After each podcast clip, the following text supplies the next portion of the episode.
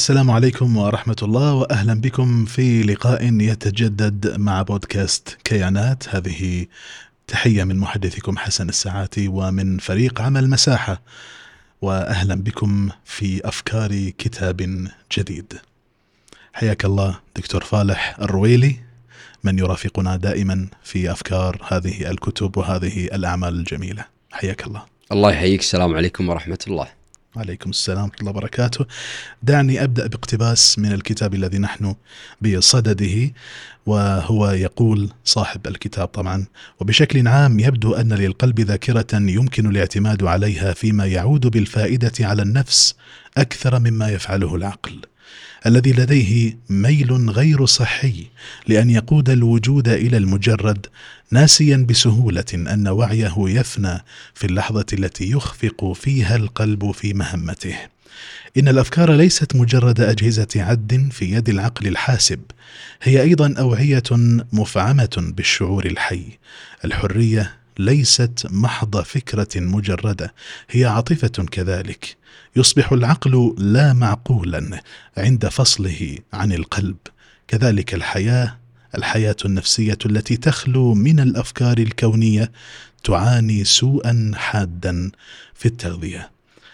هذا الاقتباس من كتاب نحن بصدده في آه هذا اللقاء طبعا وهو كتاب علم النفس والظواهر الخفية لمؤلفه كارل جوستاف يونغ ومن ترجمة الأستاذة أو الدكتورة حلا آه، مية. آه، بداية طبعا سوف نذكر محاور هذه الحلقة وهذا اللقاء. سنناقش في كيانات هذا الكتاب ما الزاوية التي تنظر دراسات علم النفس آه، للظواهر الخفية. كيف يرى كارل يونغ الارتباط وتأثير الأسلاف والأجداد على الأشخاص في الزمن الحالي.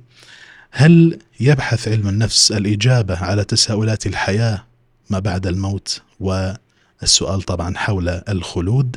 وختاما هل للأفكار وظيفة؟ وما القيمة الوظيفية للأفكار. هذه هي المحاور التي سوف نبني عليها هذه الجلسة التي نرجو أن تكون آه، مليئة بالفوائد التي نستقيها من هذا الكتاب ومن أفكار وكيانات هذا الكتاب.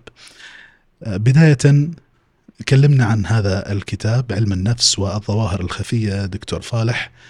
آه، ما قصته معك؟ بسم الله الرحمن الرحيم. بداية أريد أن أبدأ. بالنص اللي بديت فيه حديثك. النص اللي بديت فيه حديثك هو نص تأسيسي للكتاب. لن يفهم النص إلا بعد أن تنتهي من طوي آخر صفحة من صفحات هذا الكتاب. الكتاب الحقيقة هو ترجمة جديدة وصدر في العام الحالي يعني من أشهر قليلة للمترجمة حلامية من دار الحوار. والكتاب هو لكارل جوستاف يونغ والكتاب هو قديم وليس حديث ونعم ويعتبر من الكتب علم النفس آه، آه، خلينا نقول كلاسيكية كون أن آه، كارل جوستاف يونغ أحد أساتذة وأحد أباطرة علم النفس نعم. ومؤسس هو علم النفس التحليلي راح نتكلم فيه أكثر فيما بعد. في بعض النصوص لما تقرأها بعض النصوص. عندما تقرأ أحيانا تضطر أن تتوقف قليلا حتى تصفق بس. يا سلام. إشادة بجمال وحلاوة وسلاسة النص والتدفق الجميل اللي تشعر فيه نبض حياة. فهذه الكلمات اللي قرأتها وبدأت فيها هي من الكلمات النابضة في النص. هي تبدأ تستفتح فيها الكتاب. مع أن الكتاب ثقيل دم وغثيث. وراح يدخل راح يدخلك في الجدار عدة مرات. وراح تشعر إن في الكثير من الوقفات اللي أنت تحتاج توقف عندها عشان تستوعب بس الأفكار اللي أنت قاعد تقراها. والكتاب في أصله عبارة عن رسائل ومقالات مجمعة كتبها آه، كارل جوستاف يونغ في الفترة ما بين عام 1902 إلى 1932 نعم. على مدار ثلاث عقود. فهي تم جمعها واصدارها في كتاب في الطبعه الانجليزيه ولم يترجم. فهذه هي المرة الأولى التي يترجم بها هذا الكتاب. ولما تقتحم الكتاب اقتحام وتدخل في في في معارك مع كيانات هذا الكتاب وأفكاره ستفهم لماذا لم يترجم سابقا. لأن الكتاب يناقش ظواهر. من الصعب ومن العصي أن تناقش بشكل علمي وموضوعي. أن تدخل في ما يسمى بالسرنمة وفي آه وفي الأسس النفسية للإيمان بالأرواح. والأسس النفسية للإيمان بالخلود والظواهر الخفية غير المدركة أو غير المفسرة تفسيرا علميا وإنك تدخل في الرؤى والتنبؤ والأحلام و آه، وجلسات تحضير الأرواح و- والجن والشياطين وكل ذلك لا شك إنك تحتاج أن تقتحم وانت محمل بالكثير من العدة والعتاد حتى تستوعب الموضوع. لهذا ال- الكتاب اللي بين يدنا اليوم ما أقدر أقول إنه هو كتاب بسيط ويمكن أن يقرأ. مو لأن الكتاب راح يقدم لك أفكار تخرب تفكيرك وممكن تدخلك في وديان وعوالم أنت في أنت ما تدري عنها وتغير وتغسل أفكارك، لا لا ابدا. الموضوع ليس كذلك. بل الكتاب اللغة لغة الكتابة لغة ليست سهلة ابدا. ليست بسيطة وهي متخصصة وتمتاز بنوع من التعقيد على الرغم من أن كارل جوستاف يونغ مشهور عنه. سلاسة الكتابة والقوة في اختيار الألفاظ. فمو أي واحد يقدر يترجم لكارل جوستاف يونغ. مو أي واحد يقول له خذ ترجم لي. الترجمة موضوع موضوع يحتاج يحتاج الكثير من الإبحار والكثير من الدربة والكثير من مو فضاوة البال يعني إنك فاضي لا فضاوة البال القدرة على التركيز وتجاوز الواقع اللي أنت عايش فيه حتى تقدر تركز لما تخوض غمار كتاب مثل هذا الكتاب. لذلك أنا أوجه تحية للمترجمة اللي استطاعت أن تقدم هذا الكتاب بمجموعة من النصوص نعم. آه بس حاب أشير أن في فيما يتعلق بعلم النفس والموت أيضا في هذا الفصل أنا صفقت كثيرا. أثناء قراءتي في عدة مرات أوقف وأصفق وأرجع أقرأ مرة ثانية بعدين أصفق بعدين أرجع أقرأ مرة ثانية. ليش لي؟ لجمال الحبكة الخاصة بسرد الأفكار الموجودة فيه عن طريق كارل جوستاف يوغ وثم عملية الترجمة اللي تمت. فهذه هذه أمور يعني آه، ممكن نقدمها بين يدي الكتاب وأريد أن أشير إلى مسألة أخرى كذلك. نعم. الكتاب يمكن أن يقرأ بطريقتين. إذا كنت أنت ضد كل ما يتعلق بالأرواح والجن والشياطين. والعوالم الخفية والرؤى والأحلام والتنبؤات والتفسير والأساطير وغيرها فأنت ستجد الكتاب يدعم هذا الموقف. موقفك اللي هو ضد. وإن كنت من مؤيدي مثل هذا النوع من الظواهر الرؤى والأحلام والسرنمة. طبعا أنا عارف راح تسألني إيش هو السرنمة أكيد. وما راح أجاوب. ليش؟ على الأقل مو في هذه الحلقة. ليش؟ لأنه يعني يفترض إن إحنا قاعدين نقدم المادة لناس ناس حابين يقرون. فروح يا أخي جوجلها وأنت تعرف ال... تعرف الإجابة. هي بسيطة وسهلة وكان يستخدم يمكن أن تستخدم بأكثر من طريقة في اللفظ أقصد السرنمة. ولكن. يعني خلها فيها فيها نوع من الصعوبه فإذا كنت أنت مرة ثانية. نعم. إذا كنت من مؤيد هذه الظواهر أيضا ستجد في الكتاب ما يدعم هذا الموقف. فسواء كنت معه أو ضد ستجد في الكتاب ما يدعم موقفك من الظواهر الخفية. واختيار كلمة الظواهر الخفية أيضا يعني في العنوان هي هو اختيار ذكي.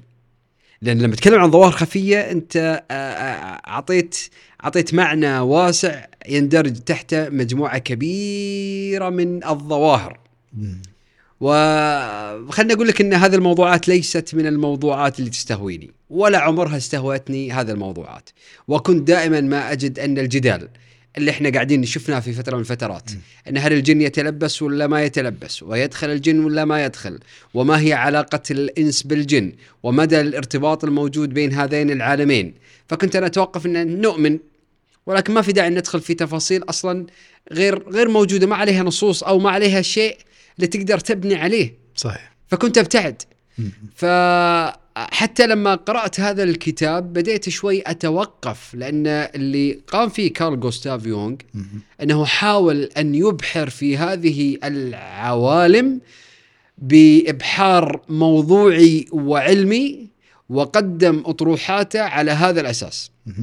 لهذا أنا بديت كلامي قبل شوي ان إن مسألة اعتبار الكتاب إنه هو للتسلية انك قاعد تقرا كتاب يكلمك عن الأرواح والجن والشياطين وال والأرواح الشريرة والأرواح الطيبة والقصص هذه اللي تقوم عليها الكثير من صناعة السينما.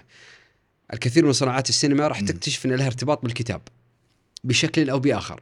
جميل. فالظواهر اللي قاعد يناقشها تكتشف إن هي ظواهر موجودة و- ومنتشرة. الكتاب بالمناسبة يمكن أن يندرج ضمن مجال الفلسفة وعلم اللاهوت. هذا هو تصنيف الكتاب. جميل. فاللي حاب يقرأ الكتاب عشان يتسلى ويظن إنه أنا خلني آخذ جرعة من التسلية فأنا حاب أقول لك وأصارحك من البداية إنك ما راح تتسلى وإنك راح تشعر بنوع من الارتباك. الرعب ولا لا ولا رعب ولا شيء ولا راح تفهم شيء. فلهذا الكتب عادة الكلاسيكية في علم النفس هي مهم أن تقرأ ولكن أحيانا يحتاجها الشخص اللي لديه لديه بضاعة.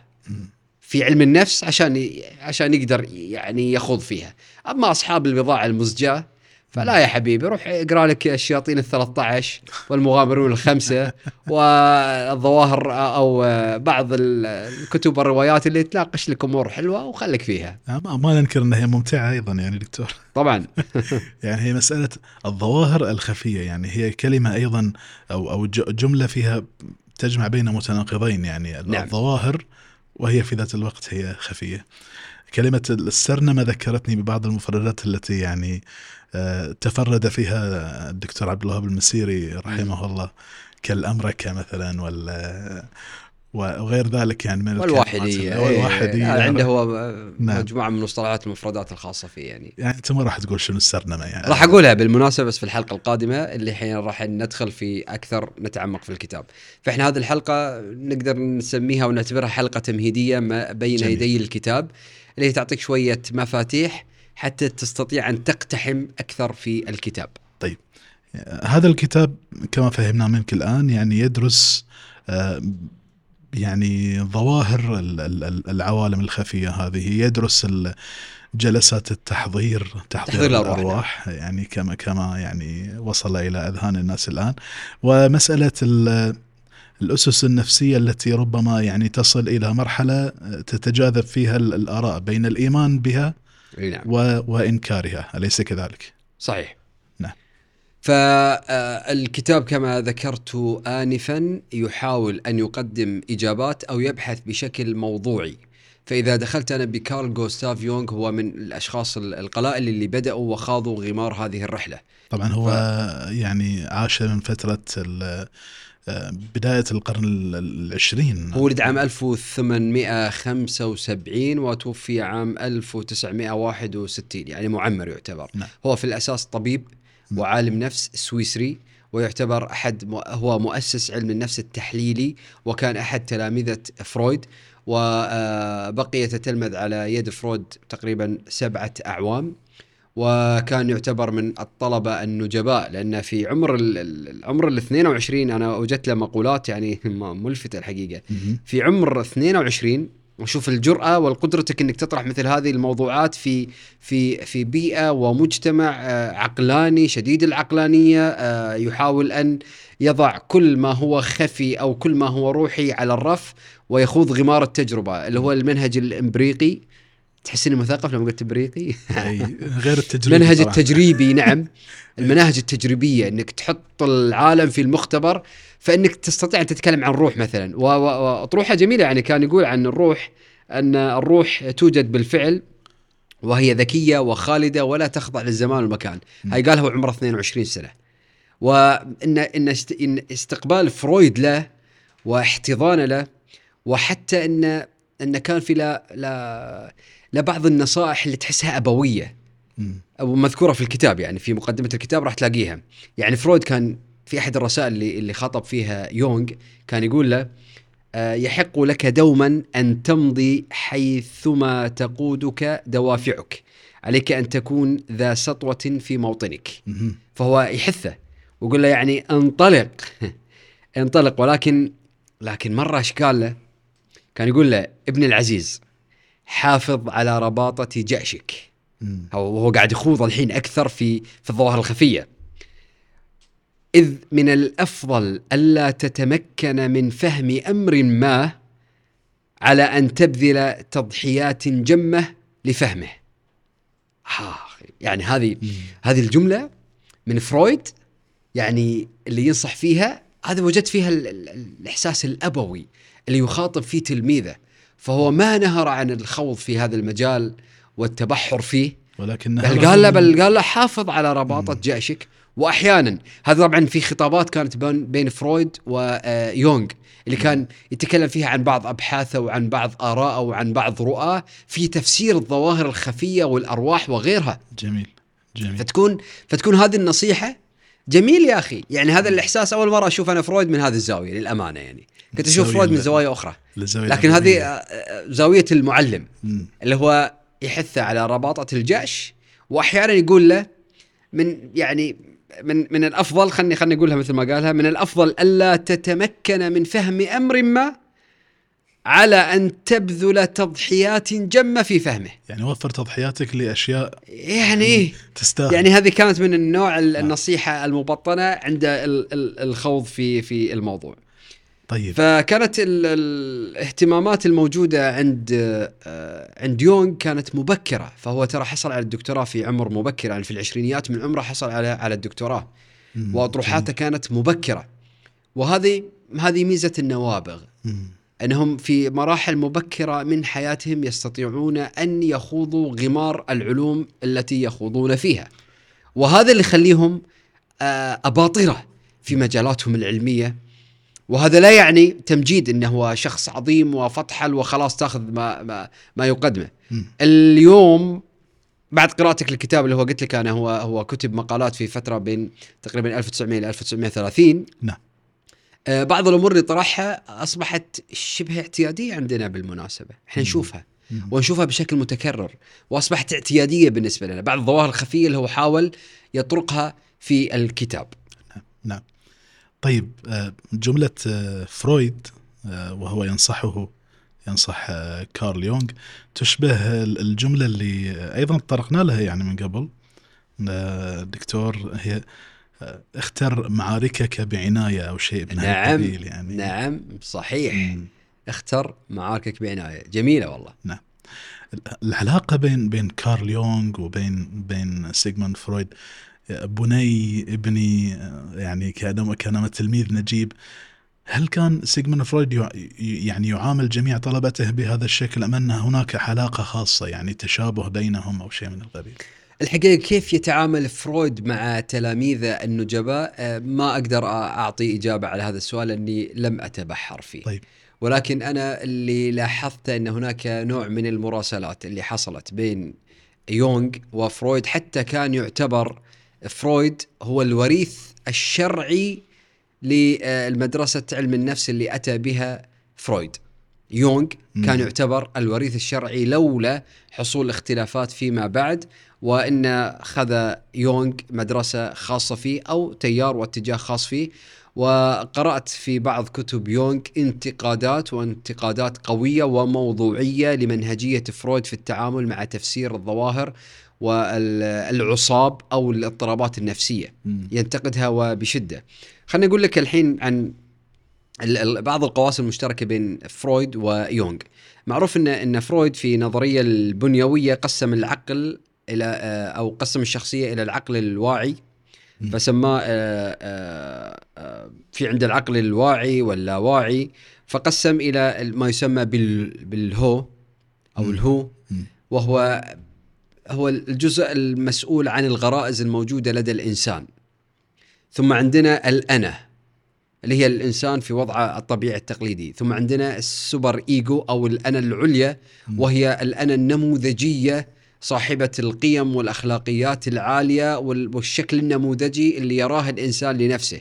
هذه الثلاث تصنيفات. ف آه، واعتبر يونغ إن هناك العقل الواعي والعقل اللاواعي. عفوا فرويد اعتبر إن هناك العقل الواعي والعقل اللاواعي. نعم، نعم. آه، يونغ بنى على أطروحات فرويد ولكن اختلف معه إن لما جاء يتكلم عن اللاوعي قسم اللاوعي إلى قسمين. فقال هناك اللاوعي الشخصي وهناك اللاوعي الجماعي وهنا هذا انفصال يعني هذا الحين أنت طورت نظريتك الخاصة اللي تتكلم فيها اللي ربط فيها بينه ربط فيها بين بين الفرد الإنسان الفرد وبين الكوكب البشري بالكامل بين الإنسانية ككل. فقال أن هناك مجموعة من الغرائز الموجودة الأساسية عند الإنسان والكثير من الرؤى والأحلام والكثير من الارتباطات هي جزء من اللاوعي الجماعي الموجود في داخل كل إنسان. فهناك ارتباط بيني وبين أسلافي. وهناك ارتباط بين كل إنسان وبين اسلافه السابقين، يعني هذه كانت ال- الاختلافات اللي اللي قدمها اللي قدمها آه، يونغ. جميل. وخلنا نقول بنى على نظريات فرويد فهو يتكلم عن اللاوعي وهو في في مدرسة التحليل النفسي أصلا تقوم كثيرا على التعامل مع اللاوعي وعلى تفسير الأحلام. مم. وحتى إني إن شاء الله راح يكون لنا جلسة في أو حلقات في كتاب آخر من كتب يونغ اللي راح نشوف تفسيراته وطريقته في تحليل الأحلام مذهلة مم. مذهلة طريقة نظرته واستطاعته على فهم اللاوعي لأنه هو يعتبر أن الأحلام هي الطريقة التي يعبر فيها اللاوعي عن نفسه.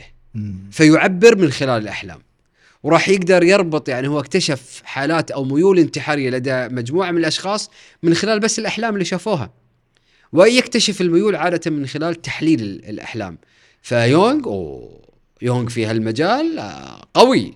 لكن إحنا مو حابين ندخل فيه خله في يومه في وقته إن شاء الله ندخل ونفسر فيها فيها فيها أكثر. مسألة ال- ال- الوعي واللاوعي أو الوعي الجمعي أو اللاوعي نعم. الجمعي آه ذكرتنا بمسألة آه العقل الجمعي لدى جوستاف لبون في سيكولوجية الجماهير أليس كذلك؟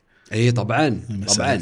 كأنه استفاد من كارل يونغ. للأمانة يعني إحنا ما نقدر نقول إنه استفاد أو لم يستفد ما, ما ندري لأن كتاب سيكولوجيا الجماهير ألف عام 1894 فربما يكون اطلع عليه ربما ما يكون اطلع عليه. جميل. ولكن آه راح تجد إنه مو إحنا قلنا آه أو كنا نتكلم أنا وأنت في فترات سابقة عن أن الفكرة عبارة عن كيان. مم. وراح نفصل فيها اليوم إن شاء الله لأن لأن لأن التعامل التعامل مع الأفكار عن هي كيانات أنا أخذتها من كتاب من هذا الكتاب. جميل. من هنا اخذتها جميل. هذه اللي أوحت لي بال بال بالأمر. فاللي كنت بقوله عن عن اللي طرحته. أن في بعض الأفكار راح تجد أن هناك تشابه كبير بين الأباطرة الكبار في تقديمهم لها. هذه فسرها يونغ بالمناسبة. راح نلاقي لها تفسير بس بعدين. يعني راح تقول انت إيش يعني تألف أرواح؟ يعني تناسخ أرواح؟ إيش قاعد ليش قاعدين يقدمون أفكار متقاربة؟ لكن خلني بس أعود للفكرة الأساسية. إذا اعتبرنا أن الفكرة كيان كيان بحد ذاتها فالنظرة لهذا الكيان قد تكون من زوايا مختلفة. فما يتكلم عنه جوستاف لوبون وسماه روح الجماهير.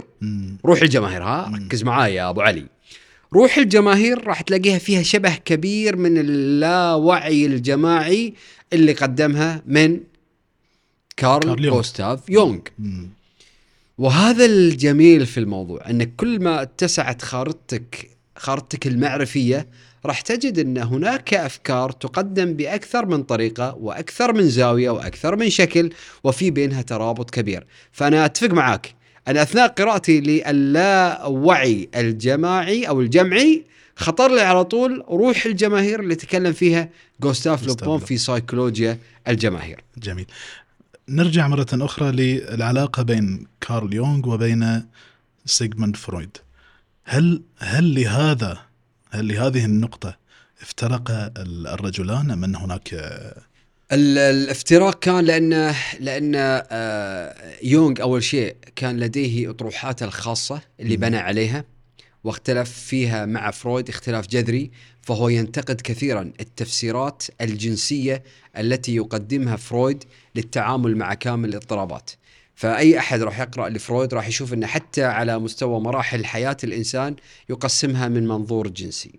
مستوى مراحل حياة الإنسان ف فيونغ اعتبر أن هذا نوع من التكلف في التفسير وأن هذا ابتعاد عن أصل النظرة إلى الاضطرابات وفهم الاضطرابات ال- ال- النفسية الموجودة عند البشر. نعم. فرويد يعني حتى له مقولات أنه يفسر آه، تحقيق الذات أن لا يتم إلا من خلال الإشباع الجنسي.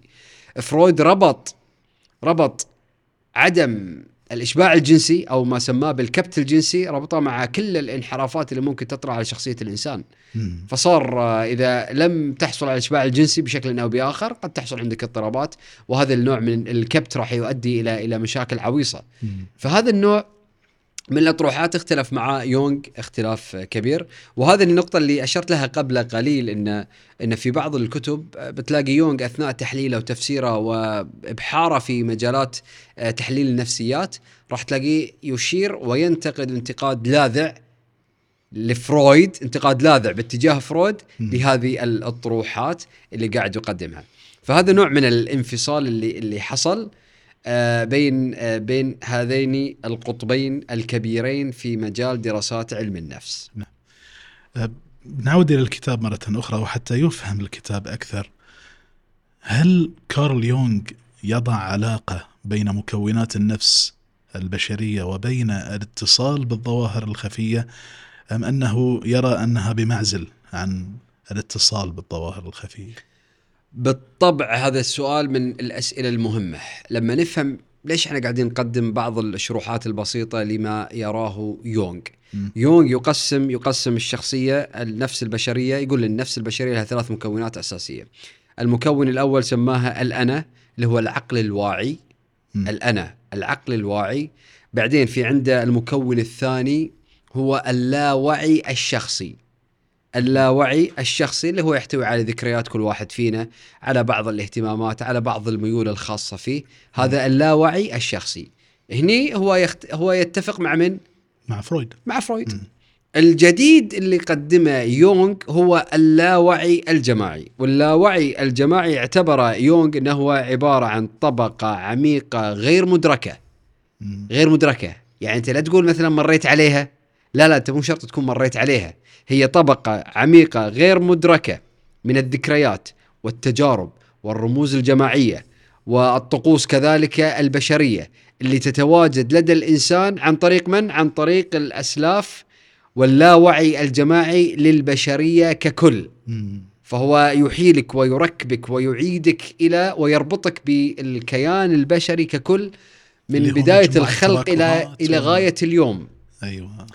وفي فكرة قريبة ولكنها مو بالضبط تتناسب بس عشان نوض- نوضح الفكرة أكثر ل- للمتلقي. مم. أشبه ما يكون بالفطرة. بالفطرة. فنجد أن الفطرة فيها تشابه بين كل البشر. حب العدالة. مم. ورغبة الإنسان ب ب ب بإقامة العدالة بشكل أو بآخر. آه ال- القيم الإنسانية المشتركة اللي كل الناس تشترك فيها وتتفق عليها. هذا نوع من الفطرة الموجودة عند الإنسان. صحيح. نعم. آه في مقولات لعلماء نفس آه يقولون لك أن ال- الإنسان كائن شعائري. مم. الإنسان كائن أو حيوان متدين. آه يعني مع تحفظنا على كلمة حيوان. أكيد. كائن حي متدين. كائن حي متدين. فليش يعني؟ ليش البشر من بداية من من الاحفورات القديمة ومن عالم ال- عالم الآثار القديمة يكتشفون نوع من الطقوس والممارسات الدينية التي يقوم فيها الأفراد. ليش؟ هذا اعتبرها اعتبرها جزء من اللاوعي الجماعي. وبعدين راح يتكلم راح يذكر شيء يسميه يسميه الأفكار الكونية. فالأفكار الكونية هي مجموعة من الأفكار الكيانات هذه ها؟ اللي راح تلاقيها مشتركة بين كافة أصناف البشر في مجتمعاتهم المختلفة مثل فكرة الخلود مثلا مم. مثل آه، فكرة الحياة اللي هي الحياة ما بعد الموت مثل فكرة الوجود الأرواح وإمكانية التواصل مع آه، الأسلاف وغيرها هذه سماها أفكار كونية بمعنى إن هي موجودة جزء من اللاوعي الجماعي الموجود عند ال... عند الإنسان طيب هو لما يأتي على ذكر هذه الأفكار آه، دكتور هل هو يحكم على صوابيه هذه الأفكار من عدمها يعني مسألة ال- الحياة بعد الموت ومسألة ال- الخلود أم أنه فقط يدرس هذه ال- الأفكار آه هذا السؤال من الأسئلة الأساسية واللي يبتدئ فيها الكتاب في مرحلة مبكرة. هل يونغ يريد أن يثبت صوابية فكرة الخلود؟ هل يريد أن يثبت صوابية فكرة الأرواح وتناسخ الأرواح أو اقتراب الأرواح أو كل ما يتعلق بالأرواح؟ هل هو يريد يقول لك إن هي فعلا صح أو خطأ؟ لا. يونغ لا يناقش هذه الفكرة بل يونغ يقول كلمة جوهرية لا يمكن لعلم النفس في رؤية يونغ لا يمكن لعلم النفس إرساء أي حقائق ميتافيزيقية والميتافيزيقية الماورائيات آه. لا يمكن لا يمكن لعلم النفس أنه يثبت أو ينفي مو دوره. مو شغلك يا علم النفس إنك تثبت إن هي موجودة أو غير موجودة. عمل علم النفس أمر آخر تماما هو يعني ويعتني بالظواهر النفسية. يعتني بالظواهر النفسية ويحاول أن يفسر إسقاطاتها وتفاعلاتنا معها. بغض النظر هي حقيقة. أو خرافة ما يعنيه هو يعنيه تأثيرها على الإنسان فيدرسها من هذا المنظور. جميل. هذه النقطة نقطة جوهرية. مهم. هذا قلت لك في المقدمة إن اللي معه راح يلاقي بعض الإشارات اللي تثبت إنه هذه العوامل العوالم الخفية موجودة. واللي ضد أيضا واللي ضد راح- أيضا راح يجد بعض الإشارات اللي تثبت إنه هو ضد. ف ف كارل جوستاف يونغ لا يريدك أصلا أن تنطلق من هذه المنطلقات. وأنا هنا في أثناء حديثي عن الكتاب وشرحي له لا أريد أن أعطي إسباغات أو صبغه ذات طبيعه دينية. أنا عندي معتقداتي منظومه المعتقدات الثابتة المتجاوزة اللي أنا مخلص معاها يعني.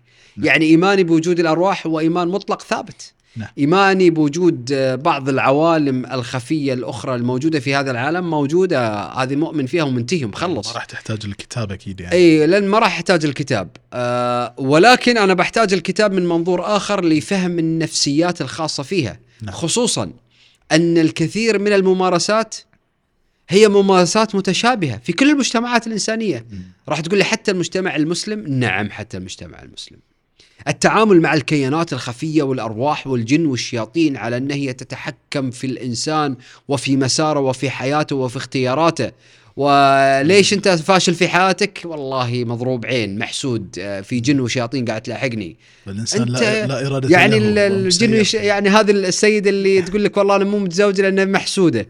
يعني أنت أحلى من أنجلينا جولي؟ يعني. يعني هذا النوع من التفسيرات ومحاوله إسباغ ع- اه- تأثيرات خارجية خفية على حياتنا الواقعية. هذا نوع من نوع من ال نوع من الاضطراب يعني نوع من الهبل نوع من ال ما راح أستخدم كلمات يعني. ولها تشابهات وقواسم مشتركة أيضا فالمهم إن في قواسم مشتركة في. كل المجتمعات الإنسانية على الإطلاق. ليش ليش يفسرها يونغ؟ يفسرها بأن هي إن هي أفكار كونية متجاوزة موجودة في اللاوعي الجمعي. الجمعي حلو؟ والجمعي. وصلت الفكرة؟ فالأفكار الكونية اللي تكلم عنها كارل جوستاف يونغ في كتابه هي جزء من التكوين النفسي للإنسان. يعني شنو جزء من التكوين النفسي للإنسان؟ بمعنى إذا حاولت أنك تضرب هذه منظومة الأفكار الخاصة بالأفكار الكونية مثل فكرة الخلود والحياة ما بعد الموت محاولتك لضربها راح تؤدي إلى تداعيات وإشكاليات على الإنسان في الوقت الحالي.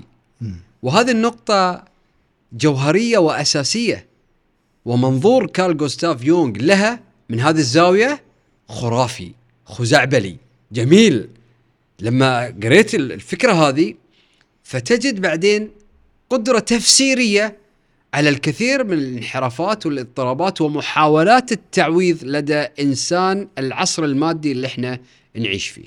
طيب اذا من الطبيعي جدا حسب كلام آه، كارل يونغ آه، دكتور فالح بأن نؤمن بمسألة ال- الحياة ما بعد الموت ومسألة الخلود آه، فيما بعد. هذا من الطبيعي.